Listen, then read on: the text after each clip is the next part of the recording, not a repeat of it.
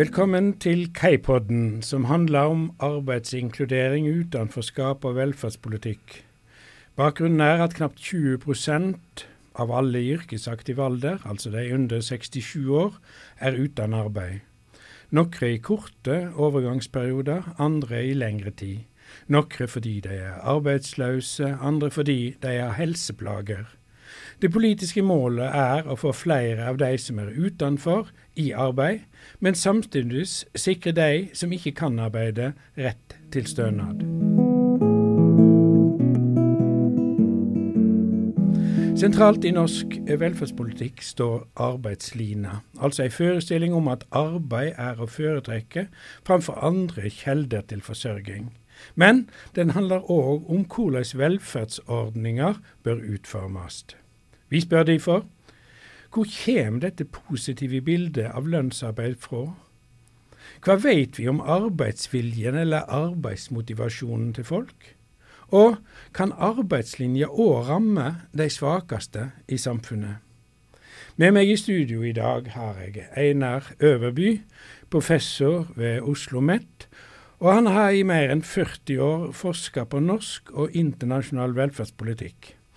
Og Einar, i en kronikk så spissformulerte du deg og sa noe sånt som at det er lett å se at et liv i ledig gang kan være bedre enn et liv i arbeid.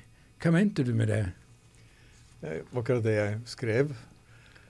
Du skal i og for seg ha studert enda lenger enn 40 år, tror jeg, før du mener at arbeid nødvendigvis alltid og i alle sammenhenger og for alle mennesker er bedre enn ikke å arbeide. I hvilken sammenheng er det det kan være en fordel å ikke arbeide? Vel, eh, de, fle altså, de, fleste sammenhenger i en viss forstand. altså Ser du historisk sett hvordan arbeidet er oppfattet, helt fra Platon og framover, så har jo arbeidet blitt sett på som en svøpe. Og hvis du går til økonomisk teori, så er det jo slik at du får betalt for arbeidet for å kompensere for tapet av den attraktive fritiden. Så i hvert fall økonomifaget har alltid vært basert på en antakelse om at uh, du får Eh, betalt for å gjøre eh, for å arbeide, eh, i og med at det er, alternativet er jo å bruke den tiden akkurat som du selv vil. Så fritiden er det mest attraktive? Det er det klassiske standpunktet. Ja. Så har det jo skjedd en veldig interessant skift, mentalitetsskift, i hvert fall eh, politisk i Norge de siste 20-30 årene. Kan jo trekke det også lenger tilbake. Eh, på at arbeid ikke bare er, er finansøkonomisk eh, bra, men at det også er bra for den enkelte. Det siste er jo en sannhet med modifikasjoner. Jo, men det, det, dette som vanligvis sies, er jo at arbeid er godt for den enkelte, og det er nødvendig og godt for samfunnet. Eh, sier du at det er bare 20-30 år siden man begynte å tenke slik? Nei, men denne ideen om at arbeidet ikke bare er godt for vil kanskje staten og samfunnet, godt for finansøkonomien, godt for å, holde, for å forhindre at, at, vi ikke har råd til velferd, holdt jeg på å si. Eh, det argumentet har jeg vært der hele tiden. Men, eh, men denne forsterkete argumentet om at uh, vi havner i den beste av alle verdener, det er ikke bare bra for statsfinansene, det er også bra for den enkelte, det er en litt nyere, en litt nyere idé. Den har alltid vært der. Et protestantisk land men uh, den, Hva mener du med protestantisk land? Jeg mener jo at denne ideen om at arbeid er en positiv ting, det sitter jo ganske dypt i vår type kultur. Men uh, det er jo ikke det er spesielt kanskje for protestantismen, men, men også for sosialdemokratiet. Som jo har argumentert vært veldig dominerende ideologisk bevegelse i Norge. Arbeid har vel ikke allment hatt høy status? Altså, det er, ikke, er ikke det et skille her mellom lønnsarbeid og annen type arbeid? Det er jo Vel, det er jo uh, Visse typer lønnsarbeid er jo i hvert fall uh, givende. Tenk bare på folk som oss selv. Men noen ganger får sitte og jobbe med hobbyen vår.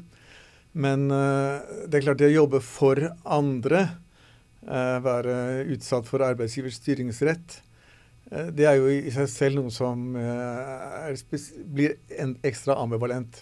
Men husmorarbeid og frivillig arbeid, har det satt samme status som lønnsarbeid?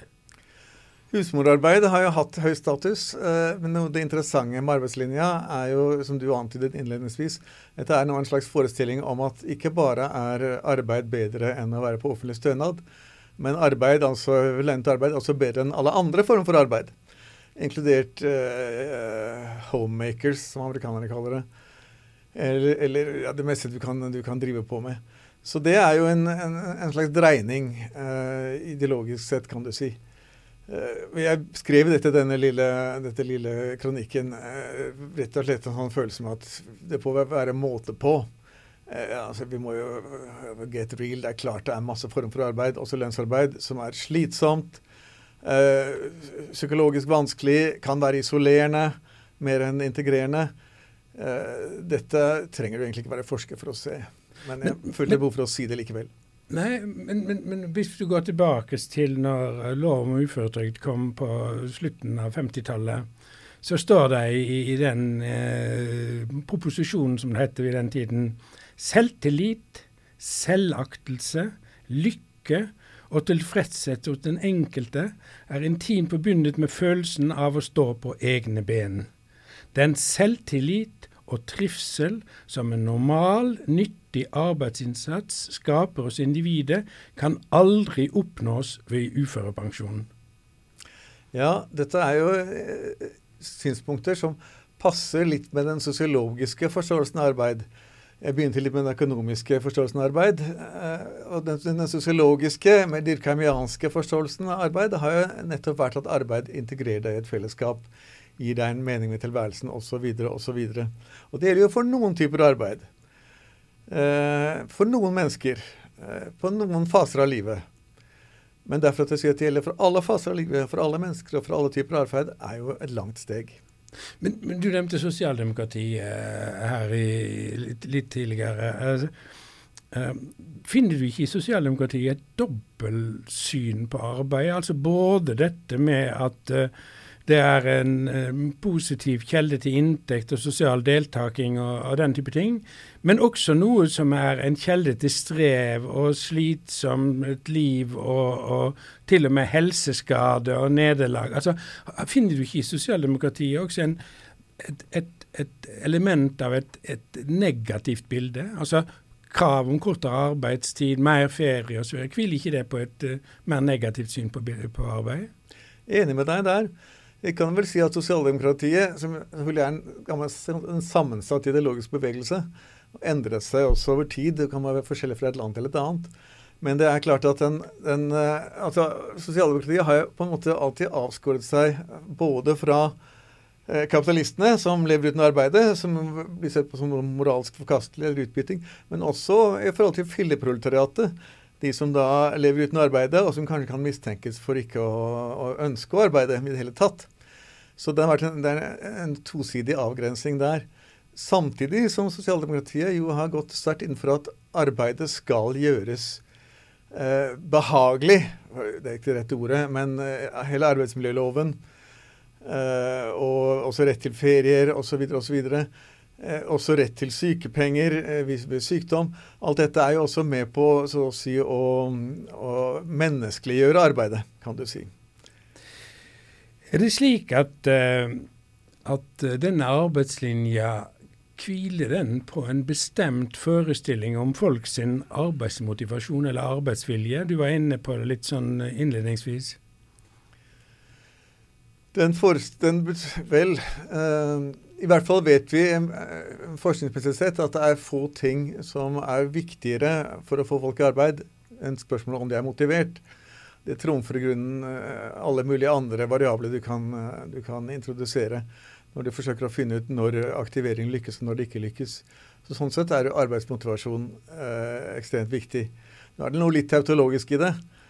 For eh, altså, hvordan viser du at du er arbeidsmotivert? Jo, nettopp ved å arbeide eller ved å søke arbeid og, og for å få det til. Men, men, men er det slik at uh, det ligger òg en slags skepsis til arbeidsmotivasjonen? Altså er det, er det, er det, er det slik at uh, at uh, arbeidslinja bygger på en tvil, eller stiller spørsmål ved viljen til å arbeide? Jeg vet ikke om arbeidslinja spesifikt bygger på det, men det er jo Det, si, det ligger kanskje i hele ambivalensen knyttet til arbeid. At arbeid samtidig har positive og negative sider, og disse er viklet inn i hverandre.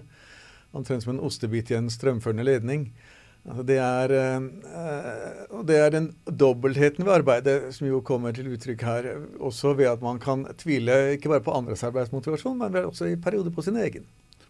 Men, men hva, hva, hva, vet vi om arbeidsmotivasjonen til folk, altså arbeidsviljen til folk? Er det, er, er det empirisk sett et problem, eller? Det er gjort empiriske studier av dette, spørreskjemaundersøkelser. Det er alltid vanskelig å tolke sånne undersøkelser, for du, du, har jo det vi kaller social desirability bias. Altså at folk tenderer til å svare slik som de opplever at de, at de bør Eh, de bør svare. Men de studiene vi har i Norge, tyder jo på en høy, høy grad av arbeids, eh, arbeidsvilje. Høy grad av arbeidsmotivasjon hvis du stoler på, på surveys. Og den har ikke vært synkende heller. Mm. Er, er, gjelder det både unge og sosialhjelpsmottakere? Gjelder det liksom på tvers av alt, eller? Det tør jeg ikke si. Da måtte jeg ha dobbeltsjekket de studiene før du inviterte meg. Mm. Så jeg kunne, kunne se det. Det er jo i hvert fall en, en sterke teoretiske grunner for å anta at arbeidsviljen, arbeidsmotivasjonen, er sterkere hvis du har en morsom jobb, hvis du har godt betalt, hvis den er en høystatusjobb.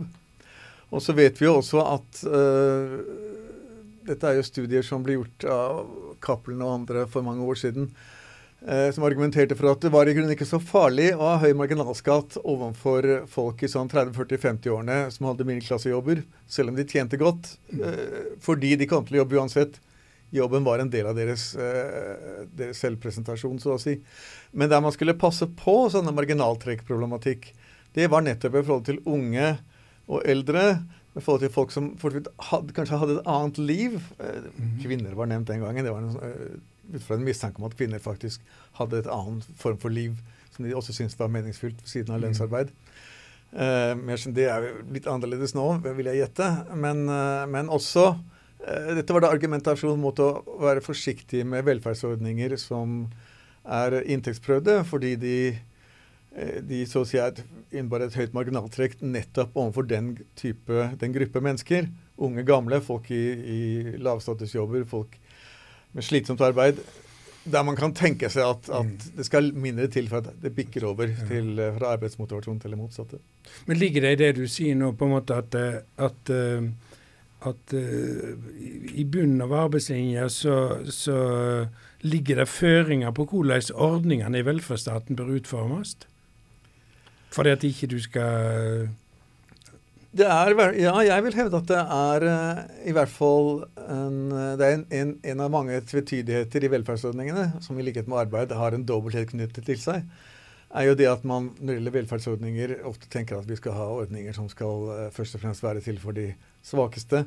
Da kan man tenke seg at inntektsprøvde eller behovsprøvde ordninger uh, måler etter stønadene best til disse gruppene, bruker minst mulig ressurser på det. Men det, da får du også et høyt marginaltrekk ikke sant? hvis du eh, går på en, en sosial ytelse. Og hvis du begynner å jobbe igjen, så mister du en krone i stønad for hver krone mm. som uh, du tjener. Da har du 100% marginalskatt eh, mm. i realiteten. Og hvis dette er grupper som det er særlig grunn til å tro ikke har noe særlig annen grunn til å jobbe enn penga, så er det, nifs, så er det eh, forholdsvis nifs. da. Så det er et type argument man kan bruke. Det er, det er andre argumenter, men det er, det er en tvetydighet. Det er en ambivalens. Men, men, er det sånn at, eh, det sånn at eh, med de rettighetene til inntekts, offentlig inntektssikring som har kommet i Norge fra 60-tallet og utover, hviler de nettopp på en tanke at det, er ikke noe problem med arbeidsmotivasjon. Vi kan gi folk rettigheter fordi eh, arbeidsmotivasjonen og denne arbeidsetikken er, er, står sterkt. Er det, er det, slik å forstå denne rettighetsutviklingen? Jeg er litt usikker på om man skal mentalitetsforklare norsk politikk de siste 60 årene, eller om dette heller må forklares ut fra hvilke politiske partier som til enhver tid har erobret makten og holdt ved den.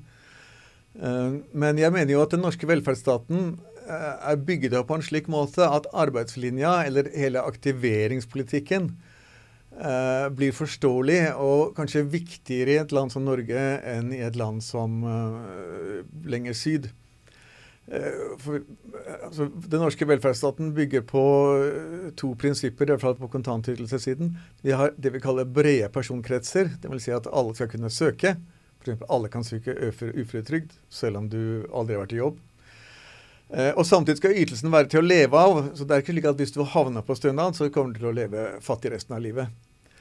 Eh, og et land som har alle kan søke, og så er det ganske høye stønader, den har et sterkere portvaktproblem enn en stat som eh, begrenser de som kan søke, til folk som har vært i heltidssysselsatte la meg si, i ti år europeiske stater som har den ordningen. Du kommer rett og slett ikke under personkretsen for uføretrygd, med mindre du hadde vært i fulltidsjobb. Og da hekter man av veldig mange av de uføre, fordi de får ikke fulltidsjobb. ikke sant? Og Da kan man tillate seg å være sjenerøs overfor de som har kommet inn, fordi de er, det er bare alfa-males og kvinner som, som uh, får rett til stønad. Så det er én måte. Det er litt den kontinentaleuropeiske, være litt stygg måten å, å men hvordan vil, du, hvor vil du plassere den, den norske velferdsstaten i det skisma som du nå hadde? Ja, jeg vil si at mens det kontinentaleuropeiske i noen grad har sjenerøse ytelser, men eh, begrensede personkretser, så har den angloamerikanske har i likhet med oss brede personkretser, men lave ytelser, særlig den britiske. Og da greier du også å styre kostnadene, for selv om alle kan søke, så vet folk at risikoen for at jeg kan søke, kanskje jeg får det, men jeg må leve resten av livet som fattig. Vi har altså denne ordningen at vi både slipper inn folk som er marginale i ordningene, og vi gir ganske høye ytelser. Og da får du et portvaktproblem. Og da, Måten vi løser det på i Norge, er aktivering. Aktivering, aktivering, aktivering. aktivering. Uh, og, det er, og det, dette er jo egentlig begrunnelsen for, for arbeidslinja. Det er, jo, det er jo dette som er, egentlig er poenget. Ja, og, og, dette med aktivering, det er jo, er jo mange ting, da. Men, men, dette med å stille aktivitetskrav og plikter til de som mottar stønad. Det er omtrent alle de store stønadsformene har nå knytta til seg krav om at du må oppføre deg på bestemte måter når du mottar den ytelsen. Og hvis du ikke gjør det, så foreligger det en trussel om at du kan få ytelsen redusert, eller i noen tilfeller at du kan, kan miste den helt. Altså det foreligger en, en sanksjon. Uh, men nå er det jo slik at, at om du leser gamle skrifter fra Arbeiderpartiet eller fra Høyre, så blir dette begrunnet at å stille krav er å bry seg. Uh, er ikke det en annen fortelling? Jo, men den passer jo sammen med den første fortellingen. Så dette er jo en måte vi forteller oss selv en historie hvor vi både så å si bør gjøre det i ut fra finanspolitiske grunner og kalde økonomiske grunner. Men så sier vi samtidig til oss selv at dette i, i tillegg er det å bry seg. Eh, og det er ikke fullstendig altså Jeg er jo ikke en gammel vulgærmarxist som mener at dette bare er ideologi. Eh, men, eh, men, det er jo ikke tilfeldig at, disse, at vi danner oss en, en slik, at vi har en slik forestilling.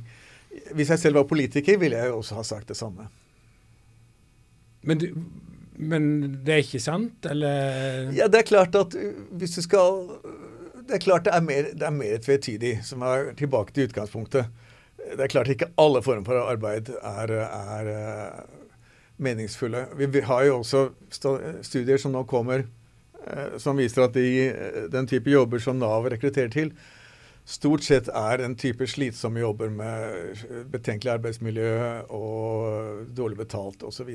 Ikke bare, men i stor grad. Heller ikke er så rart, gitt at de i stor grad er, eh, er folk som lavere utdanning, har, har, har slitt, som, som oppsøker Nav. Men, men kan dette med å stille slike aktivitetsplikter eller aktivitetskrav, eh, kan det ha eh, noen uheldige sider? Altså, eh, altså skremmer det vekk noen? Altså, er, det, er det slik at det blir tiltakene blir, at det blir viktigere at du setter folk på et tiltak enn at tiltaket er meningsfullt osv.? Ja, du har den type effekter. Men rent generelt så er det jo slik at vi også syns det er litt vanskelig at du skal fortelle til folk at hvis du ikke vil jobbe, så er det egentlig godt for deg, vet du, selv om du ikke syns det selv. Jeg syns det er et vanskelig argument å ta. Jeg tror Egentlig ville jeg synes det var mer reelt å si det er mange typer jobber her som ikke er morsomme. Men uh, gitt hvordan vi har velferdssystemet, og gitt at vi må sørge for at dette holder seg flytende økonomisk, så, er, må, så, kan vi ikke gi deg det du har lyst på. Sorry. Eh, det kunne kanskje være av og til litt mer realt enn å si at det er egentlig godt for deg, vet du. Du vet det bare ikke selv.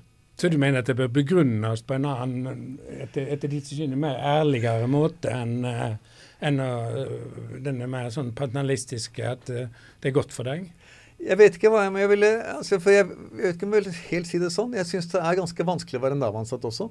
Det er ambivalent. Altså Hvis jeg jobber på Nav, og det kommer inn folk, og jeg skulle fortelle folk at du skal ha jobb Og jeg tror egentlig ikke jeg er ikke sikker på om det er godt for deg.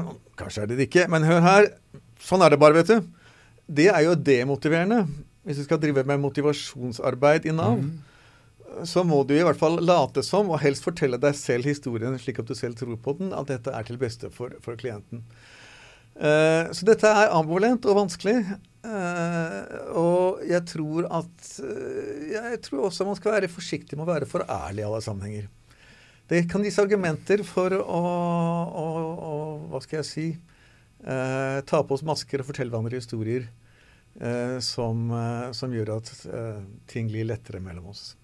Men, men denne opphaussingen av arbeidet og sånne ting, er det litt sånn prega av at vi ikke Altså vi som har høyere utdanning osv., ikke tar inn over oss, oss, egentlig hva slags type arbeid de som står i spenningen mellom stønad og arbeid, eh, står overfor. Altså at det, det, er på en måte et annen type arbeid enn en, en, uh, det vi har. Ja, nå tror jeg vel ikke at vi skal generalisere fra sånn som oss ikke skjønner såpass. Altså jeg mener vel vi jeg har vel egentlig til gode å støte på uh, kolleger som innerst inne, eller ikke innerst inne engang, tror at alle former for arbeid er like meningsfulle.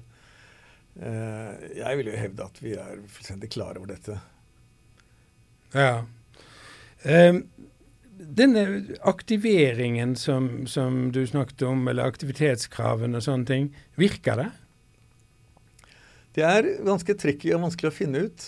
Eh, en av grunnene til at det er vanskelig å finne ut, er at eh, selv om vi har studier som tyder på at det er relativt liten effekt av dette, eh, så er det veldig vanskelig å få kontrollert for det vi kaller seleksjonseffekten. Altså det at Hvis du begynner å stille aktiveringskrav, så er det en del folk vi vet ikke hvor mange, som da klarer å få seg jobb uansett. Og som da istedenfor å, å gå på Nav, for, uh, hvor de vet de blir altså, satt i aktivering i en eller annen form, skal få jobb på egen hånd. Så når du innfører aktiveringskrav, så er det i større grad bare de som ikke klarer å få jobb på egen hånd, som søker. Så det kan faktisk være slik at selv om effekten av aktiveringstiltak går ned over tid, eh, så kan det skyldes enten at man har blitt dårlig med aktivering, men også tyder på at man har blitt enda flinkere til at de som får seg jobb, de selekterer seg selv vekk i utgangspunktet. Men denne seleksjonseffekten som du snakker om, eh, er det, er det, er det slik at disse aktivitetskravene fører til at noen velger å ikke søke disse stønadene fordi det vil bli for byrdefullt? Er det det som er resonnementet? Altså, det er i hvert fall en mulighet. Eh, vi så det veldig sterkt i USA når det gjaldt Clinton-reformene, som var ekstremt tøffe reformer, hvor det hadde en voldsom nedgang i søkningen. Men vi har også sett i noen kommuner som har, altså kommuner som stilt tøffere krav enn andre kommuner, har hatt en sterkere nedgang. Nå kan det også skyldes at det er en del folk som er, altså, har lette psykiske plager, f.eks som ikke, ikke, tør og ikke våger uh, å, å, oppsøke. Så vi vet ikke om det er folk som faktisk klarer å få seg jobb, eller om det er folk som da blir mm. værende i kjellerstuen hos mor og far. Uh, og spille dataspill i enda større grad enn før. Dette kunne vært morsomt eh, morsomt er et feil ord, men interessant å studere. Men uh, vanskelig å studere, og jeg, har vel, jeg, er ikke kjent med noen som har forsøkt å forske ordentlig på hva kjennetegner de som ikke lenger søker i situasjoner hvor, eh, hvor, du ser en nedgang i søknaden. Men det bygger på en premiss om at uh, eksistensen av aktivitetskrav fører til at noen ikke søker? Ja. ja. Uh, er det slik at, at uh, disse aktivitetskravene kan styrke Du er jo opptatt av motivasjon. Kan det, kan det bidra til å styrke motivasjonen?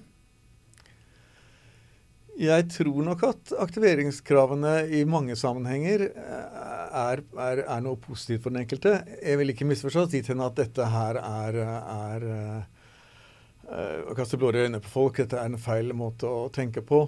Jeg tror det er uh, altså, Å få en følelse med at andre bryr seg om deg, er noe som er viktig for, for mennesker.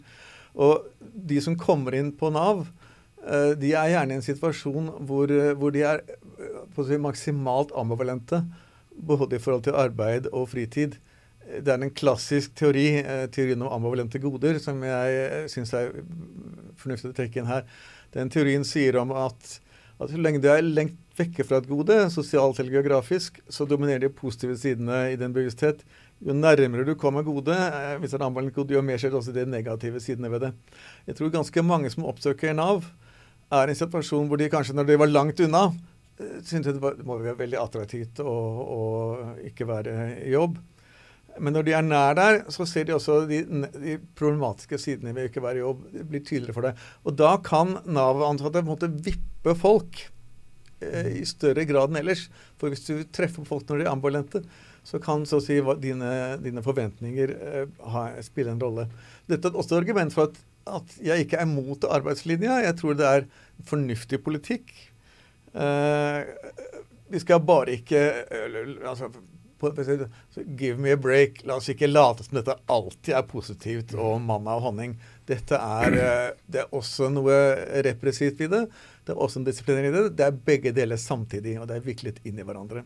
Og sånn er det bare. Jeg har lyst til å slippe helt dette med aktivitetskrav og sånne ting. Det er vel slik at disse aktivitetskravene også kan være kvalifiserende eller eller eh, bidra til å styrke mottakerne sine ressurser til å komme inn på arbeidsmarkedet eller klare seg på arbeidsmarkedet? Det kan de, det, og det er fint hvis de gjør det. Eh, det er også noe Dette blir mer anekdotisk kunnskap, må jeg innrømme, eh, som tyder på at altså, Hvis du ser det fra Navs side sett, så har Nav det et problem i forhold til arbeidsgiverne at de må de må formidle arbeidskraft som er attraktiv for arbeidsgiverne, for å ha et godt rykte hos arbeidsgiverne. Nav konkurrerer jo både med bekjentskapskanalen og med private arbeidsformidlere. Så det er en, en hypotese, det kunne vært morsomt å noen studerte på ordentlig, om at Nav av og til, når de har noen folk inne som de er engstelige for De vet ikke, men de er engstelige for at arbeidsgiverne kanskje ikke vil se på dette som, uh, som god arbeidskraft istedenfor kanalisere den på tiltak. Mm. Uh, slik at den går på tiltak, uh, og, og, det er på en måte alle, alle, alle glade. Uh, Nav får, får opprettholde sitt rykte over arbeidsgiverne. Uh, folk får kvalifisering, men vi har igjen dette anekdotisk kunnskap fra min side. Uh, men det er også en del av de som havner på tiltak, som er ganske frustrerte fordi de helst ville jobb, og så blir de satt på tiltak. Men er det ikke, er det ikke, er det ikke også slik at uh, det å ha vært inne på tiltak og vært inne i Nav-systemet kan skape sår som gjør at det skaper problemer på arbeidsmarkedet? Igjen, det, det, kan, det, kan, virke i mange retninger. Altså, selv det å være formidlet via Nav i gamle dager, så var det jo slik at det å være formidlet via Nav var noe som kunne være nifst, kunne være et tegn på at du, du var problematisk arbeidskraft. Så de burde helst ikke gå via mm. Nav for å skaffe deg jobb. Nå mener jeg at det er blitt mye svakere. Nav har jobbet veldig med å forsøke å unngå det imaget. Mm. Uh, men en måte å unngå det imaget på det det Man må jobbe for å unngå det imaget. Og det blir jo en ambivalent og vanskelig jobb for Nav-ansatte å skulle formidle da arbeidskraft uh, som de ikke er helt sikre på selv. Mm. Eh, så dette er ikke noe du løser en gang for alle. Dette er en sånn pågående ting. Vi kan forske på det, men i noen grad er jo dette her sosialpsykologiske ting. Eh, I forhold til arbeidsgiver og, og, og, Nav, og i forhold til, til brukerne. Som eh, Jeg blir nesten sånn for sånn Goffman-assosiasjoner. Mm. At det er den type, den type, studier man må gjøre for å komme inn hit på dette. Eh, du har uttalt at uføretrygde uføretrygda har vært omtalt som pokalen i stønadssystemet. Hva mener du med det? Dette er jo uh, enkelte kontorer. Dette er noen år siden. som da uoffisielt omtalte uførepensjonen som pokalen. Endelig. Hva lå det i det? I dette lå det at det var en, endelig skal du inn i det lovende land i frihetens rike. Etter at uh, ja, du fått lov til å komme inn i frihetens rike etter å være arbeid, arbeidets rike. Det det begrepet illustrerer jo også at uh, en type uh, hverdagskunnskap om at for en del så er det deilig å få slippe. ikke sant? Så, så det betyr altså at, uh, at eh, et sånt synspunkt det hviler på at det å leve på passiv ytelse, som det heter på språket, det kan være et godt liv? Altså det er eh, et bedre liv enn å være i arbeidslivet? Ja, og det er opplagt at for mange så er det det. Det skulle bare mangle. Så dette står i motsetning til dette som jeg siterte innledningsvis fra fra den uh, uføretrygdmeldinga som, uh, som, hyller arbeidet framfor uføretrygda? Jo, men hva skal du skrive i en NOU? Det er klart at du må jo skrive noe sånt. Eller må ikke. Men hvis jeg hadde vært uh, ansatt i, i, administrasjonen, så hadde jeg jo skrevet noe sånt.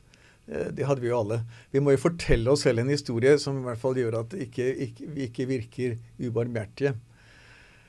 Og det er en menneskelig ting. Eh, jeg syns det er eh, og, og, i noen grad er jo dette også en måte Kan kanskje si at eh, det er en måte å forebygge litt kynisme på. At vi, vi i hvert fall vi, vi, vi, håper og tror at dette er en positiv ting, også for deg. Det er en slags repressiv vennlighet i det. Jeg brukte uttrykket listig vennlighet av og til om det som man driver med i velferdspolitikken. Og listig vennlighet kan være den type formuleringer kan være for listige, men, eh, men de kan også være genuint vennlige. Det, men vil, vil, ikke mange av de tingene som du nå har trukket fram, altså det å ha hatt etter borgerlønn eller min, garantert minsteinntekt, eh, skapt uh, noen valgmuligheter som, uh, som uh, er, det, er, det, noe du vil støtte? Det kunne være morsomt om et land prøvde med garantert minsteinntekt, bare for å se hvordan det er. Jeg jo empiriker som de fleste andre, så det kunne være artig at noen prøvde. Jeg har liten tro på dette som tiltak selv, men uh, Hvorfor? Ja, Først og fremst fordi eh, altså Som min gamle professor Ulf Torgersen sa en gang, det er litt som å sette hele, hele hagen under vann for å vanne blomstene. Eh, og du skal ha ganske mye vann for eh, å, å vanne blomst på den måten, uh, som du istedenfor, hvis du uh, målrettet den mot, mot de gruppene du ønsker å støtte, spesifikt å støtte, kunne gi dem atskillig mer sjenerøse ytelser eller, eller, tjenester. Vil du sette deg mer inn i det Einar Øverby har skrevet, så kan du se i to bøker. Ei som han har skrevet sammen med Steinar Stjerne, som heter 'Arbeidslinja. Arbeidsmotivasjon og velferdsstaten', som er Universitetsforlaget i 2012. Og ei annen bok som han har skrevet sammen med Toril Hammer, som heter 'Inkluderende arbeidsliv?' spørsmålstegn, Erfaringer og strategier, som kom på Gyldendal. Takk for uh, samtalen, Einar, professor ved Institutt for sosialfag, Oslo OsloMet. Selv takk. Du har hørt på K-podden. Det er Lars Inge Terum som er vert, og når jeg ikke er i dette studio, er jeg professor emeritus ved Oslo OsloMet.